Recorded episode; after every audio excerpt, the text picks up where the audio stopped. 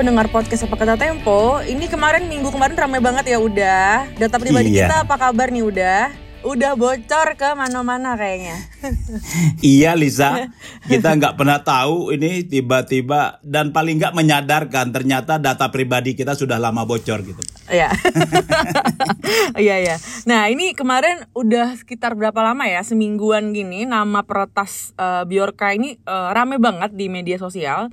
eh, karena dia membocorkan banyak sekali data-data sensitif dari perusahaan BUMN, instansi pemerintah, sampai data pribadi menteri, sampai surat rahasia presiden, semuanya dibocorin dan rame di Twitter gitu ya. Eh, dan yang bikin nyesek tuh sebenarnya data kartu SIM se-Indonesia ini bocor juga nih udah dan Iya. eh, waktu muncul info ini sih sebenarnya aku sempat ketar-ketir juga karena kayak wah ini kalau eh, nomor NIK itu kan bisa dipakai buat daftar-daftar ya termasuk eh, daftar tawaran pinjol kayak gitu-gitu. Nah, eh, udah gimana nih menanggapi kejadian rame sekitar seminggu dua minggu terakhir?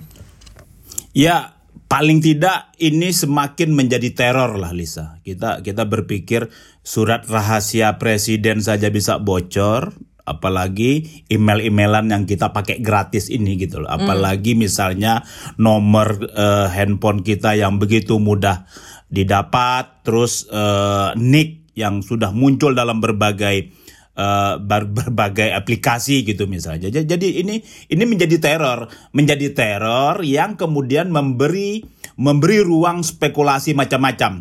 Oh, jangan-jangan ini pengalian isu. Ya. Itu yang pertama Lisa. Yang kedua, oh, jangan-jangan ini ada lembaga negara yang sedang ingin minta tambahan anggaran.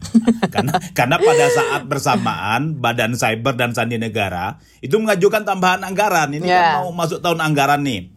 Nah, macam-macam, macam-macam. Tapi yang paling jelas ini ini membuat eh, kekhawatiran semua orang rasanya. Paling sederhana surat yang ada di ring satu istana saja Ya. dan bocor, apalagi kita gitu Apalagi loh masyarakat kita. biasa. Rakyat jelata ya. iya. Jadi ini akun Biorka ini eh, makin disorot terutama kemarin ramenya karena eh, Pak Menkominfo Joni Plate eh, dan Bu Puan Maharani kemarin disempet dibocorin juga datanya dan eh, jadi rame ya kalau aku lihat di Twitter tuh orang-orang jadi pada nge-save nomornya eh, Pak Menteri eh, dan dikasih judul-judul yang aneh-aneh lah gitu ya. Jadi kalau misalnya kita lihat tuh kita Google tuh ada get kontaknya nomornya Pak Menteri itu udah macam-macam lah gitu. Ada yang protes, ada yang ketawa-ketawa. Pokoknya eh, menurut aku itu kayak sesuatu yang baru aja nih. Oh bisa juga kejadian kayak gini ya orang protes dengan cara lewat get contact gitu. Eh, dan yang terpanas sebenarnya ya eh, klaim bahwa eh, Bjorka ini punya dokumen surat menyurat eh, antara Badan Intelijen Negara dengan Presiden Jokowi. Nah ini eh, serem nih serem.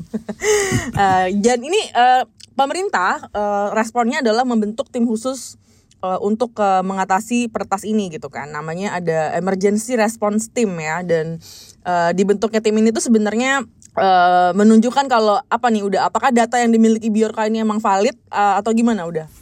Ya, kalau melihat responnya, ya respon orang ketakutan, nah, sudah jelas lah. Kalau tidak, kalau meskipun pemerintah keluarnya, oh ya datanya valid, tapi itu data-data umum. Ya, jangan-jangan data umum yang keluar sekarang, berikutnya data-data khusus gitu. Jadi, jadi artinya eh, pasti ada ada kecemasan lah ya, kecam, kecemasan dari pemerintah. Meskipun kecemasan itu eh, ditunjukkan dengan secara ya secara tidak bermutu juga. Kadang-kadang lucu.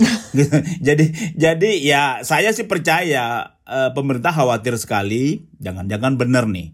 Apalagi misalnya surat-surat rahasia dari badan intelijen dengan presiden presiden ke menteri.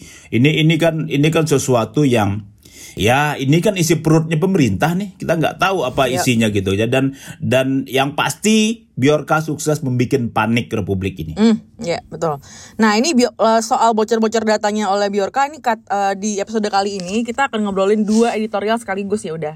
Ada yang dari Tempo.co dan juga koran Tempo. Ini kayaknya bekerja keras nih teman-teman redaksi mengcover soal Biorka karena memang eh, menarik banget ya kan dan dan dan ini eh, di media sosial mendapatkan sorotan yang sangat besar dari teman-teman pengguna gitu kan. Ya. Nah ini kalau judulnya ini nih ada kalang kabut atasi kebocoran data dan juga ketoprak kebocoran data. Nah ini secara garis besar udah boleh kasih previewnya nggak? Kira-kira ini ketopraknya maksudnya apa? kalau kalian kabutnya jelas nih karena ada ada jadi ada emergency response team. Tapi kalau ketoprak nih gimana nih udah maksudnya? Ya, Liz, ini ini ya bagi kita sih lucu saja ketika ketika data kita ini kan soal data bocor kan bukan sekali ini saja uh, saya masih ingat dulu ketika Pak Yusuf Kala jadi wakil presiden dia dapat SMS gitu SMS tawaran tawaran seks segala macam kan dan dan ini semua orang dapat hmm. bukan hanya wakil presiden semua orang dapat kita tiba-tiba dapat tawaran kartu kredit kita tidak tahu yeah. dari mana dia dapat nomor kita pekerjaan yeah. kita alamat kita ini kan ini ini kan sudah sangat lama dan itu tidak pernah direspon gitu. Ya. Tidak pernah direspon. Apa tanda tidak pernah direspon? Terbukti RUU perlindungan data pribadi artinya eh, regulasi atau undang-undang yang untuk mengawal ini semua itu baru dibahas tuntas enam hari lalu gitu loh. Hmm. Ini kan abai, sikap abai ya. Ketika terjadi ketika, ketika Biorka membocorkan uh, memberi sinyal-sinyal yang agak bikin shock orang termasuk surat menyurat, data pribadi, ada menteri yang ketahuan belum booster segala macam gitu loh. Ini ini muncul berbagai respon. Nah, hmm. Kalang kabut, yes, tadilah bikin res, bikin uh, tim khusus yang yang paling kenapa kita kita di Tempo membuat uh, editorial soal ketoprak karena ada satu pejabat dari Kemenfo menyatakan Ayo hai hacker, jangan permalukan kami dong, jangan menyerang. Aduh, jadi kita tidak bisa membayangkan. Nama aja aja hacker sudah kerjanya pasti nyerang. Kalau enggak jadinya Terus, volunteer kayaknya. Relawan. jadi jadi memang tidak pernah tuntas memberi solusi. Hmm. Ujungnya apa ini Lisa? Ujungnya ya ampun, ternyata kacau ya. Hmm. Data kita ternyata tidak tidak pernah dijaga. Ini kan tugas negara. Tugas negara itu menjaga warga negara, termasuk data pribadinya.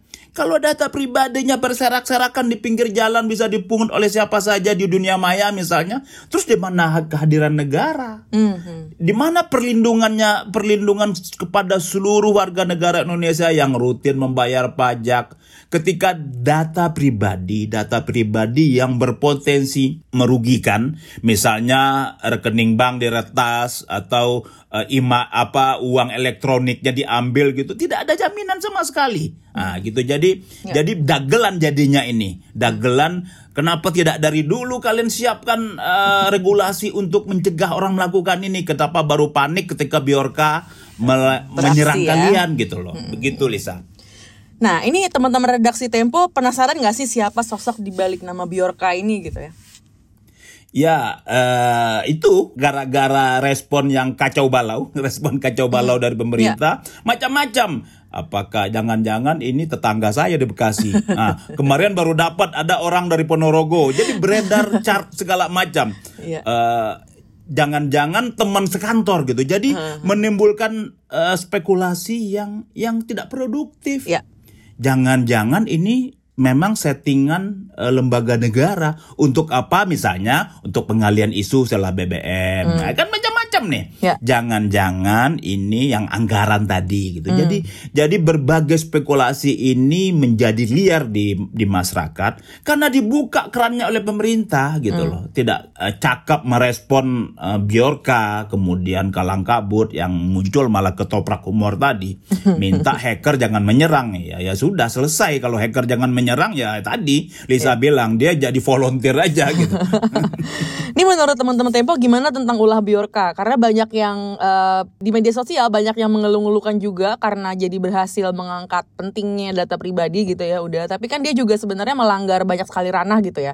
Apakah perlu diproses secara hukum atau gimana udah? Ya kalau dari sisi legal formalnya bisa mungkin bawa hukum karena dia Eh, membocorkan data pribadi kan, data hmm. pribadi, hmm. data pribadi siapa pun itu. Tapi lagi-lagi nanti kan uh, dia saya membuat simulasi, Lisa. Hmm. Ketika dia dibawa ke ranah hukum, terus uh, saya dijerat pakai data, pakai apa? Pasti undang-undang hmm. karet ITE itu. ITE, ya. Nah, terus kalau kuasa hukum Jorka misalnya dalam pengadilan, kenapa tidak kalian selesaikan undang-undang uh, perlindungan data pribadi? sehingga memberi ruang saya dapat dapat data ini. Jadi ujung-ujungnya pemerintah lagi nih. Hmm. Pemerintah membuka pintu, negara membuka pintu, lahir Biorka atau siapa pun nanti yang bisa mengambil data kita, kemudian menyebarkan di media sosial dan lain-lain dan dan yang dirugikan kita gitu loh. Hmm. Ini kan menjadi menjadi panas karena Biorkanya menyerang uh, para penguasa kan, hmm. orang-orang yang berada di ring satu, ya. orang-orang yang berada di seputaran presiden baru. Oh, ternyata begini. Jadi untuk membangkit membangunkan mereka agar memberi melaksanakan tugas dengan baik ya harus diserang dulu kan begitu jadi asumsi kita, asumsi publik ya. Jadi harus begitu, rame Lisa. dulu ya, kan gitu. Harus rame dulu baru ada tindakan.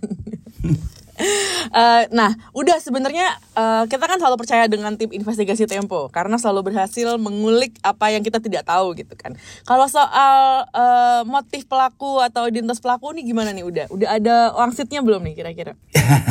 Jadi teman-teman sedang bekerja, teman-teman bekerja dan saya juga tahu lembaga penegak hukum jauh lebih bekerja mm. karena menampar mereka. Uh, janganlah orang sekedar posting ditangkap gitu ya di ujung berung sana di di luar Pulau Jawa tapi ini di depan mata tidak tertangkap gitu. Jadi yeah. misalnya akunnya di di take down, kemudian muncul akun baru. Kita sudah sedang bekerja siapa nih Biorka ini? Mm. Dan ya mudah-mudahan sampai menemukan indikasi dan dan bisa kita kita publish ya uh, ya. dalam proses bekerja terus Lisa. Jadi tapi yang pasti Mantap. saya tahu penegak hukum 10 kali lebih bekerja karena ini uh, menampar muka mereka. Hmm. gitu. Betul betul betul. Nah ini menanggapi aksi pertasannya Biorka ini gimana Tempo menilai respon pemerintah?